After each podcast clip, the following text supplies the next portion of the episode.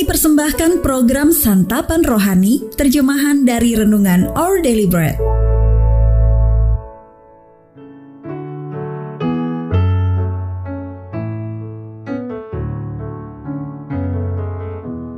Sahabat ODB, pembacaan Alkitab hari ini terambil dari Yohanes pasal yang ke-11 ayat yang ke-38 sampai dengan ayat yang ke-44.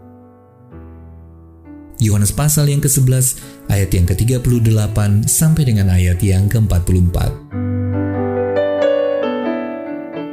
Maka masgulah pula hati Yesus. Lalu ia pergi ke kubur itu. Kubur itu adalah sebuah gua yang ditutup dengan batu. Kata Yesus, "Angkat batu itu." Marta, saudara orang yang meninggal itu, berkata kepadanya, "Tuhan, ia sudah berbau, sebab sudah empat hari ia mati." Jawab Yesus, "Bukankah sudah kukatakan kepadamu, jikalau engkau percaya, engkau akan melihat kemuliaan Allah?" Maka mereka mengangkat batu itu.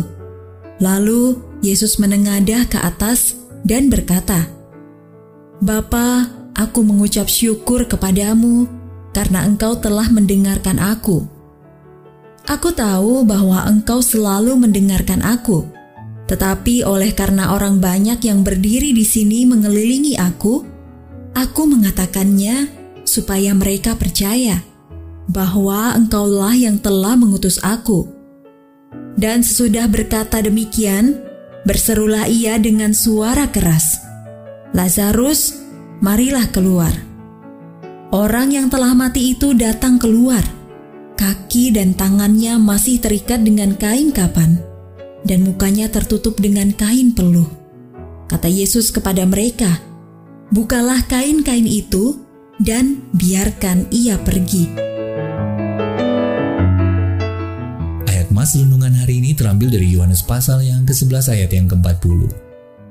Bukankah sudah kukatakan kepadamu, jikalau engkau percaya, engkau akan melihat kemuliaan Allah.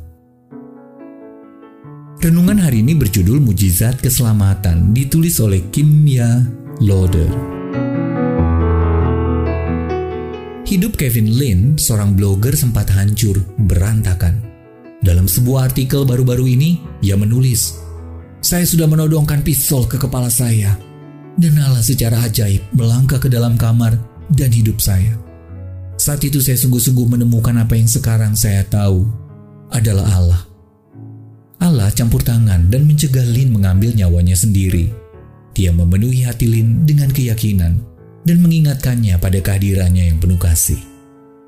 Alih-alih menyimpan sendiri perjumpaan yang luar biasa ini, Lin membagikan pengalamannya kepada dunia melalui pelayanan YouTube untuk membagikan kisah transformasinya dan juga hidupnya dan juga kisah-kisah orang lain. Ketika Lazarus, teman dan pengikut Yesus mati, banyak orang menganggap Yesus terlambat. Yohanes pasal yang ke-11 ayat yang ke-32. Lazarus sudah empat hari dikuburkan sebelum Kristus tiba tetapi dia mengubah momen penderitaan tersebut menjadi mujizat saat dia membangkitkan Lazarus dari kematian. Bukankah sudah kukatakan kepadamu, jikalau engkau percaya, engkau akan melihat kemuliaan Allah. Seperti Yesus membangkitkan Lazarus dari kematian kepada hidup, dia menawarkan kepada kita hidup yang baru melalui dirinya. Dengan mengorbankan nyawanya di kayu salib, Kristus telah membayar lunas upah dari dosa kita dan memberikan pengampunan ketika kita menerima anugerahnya. Kita dibebaskan dari belenggu dosa, diperbarui oleh kasihnya yang tak berkesudahan, dan diberikan kesempatan untuk mengubah arah kehidupan kita. Sahabat ODB, apa saja keajaiban karya Allah yang telah mengubah hidup Anda? Lalu bagaimana Anda dapat menggunakan kesaksian Anda untuk membawa orang lain lebih dekat kepadanya? Bapa Surgawi, terkadang aku menganggap remeh karyamu yang mengubah hidupku. Terima kasih karena engkau tidak pernah menyerah atas diriku. Our daily bread ministries, mendapatkan buku renungan ini dalam bahasa Indonesia, Inggris, atau Mandarin, WhatsApp kami di 0878 78789978 atau email indonesia@odb.org dan kunjungi website santapanrohani.org.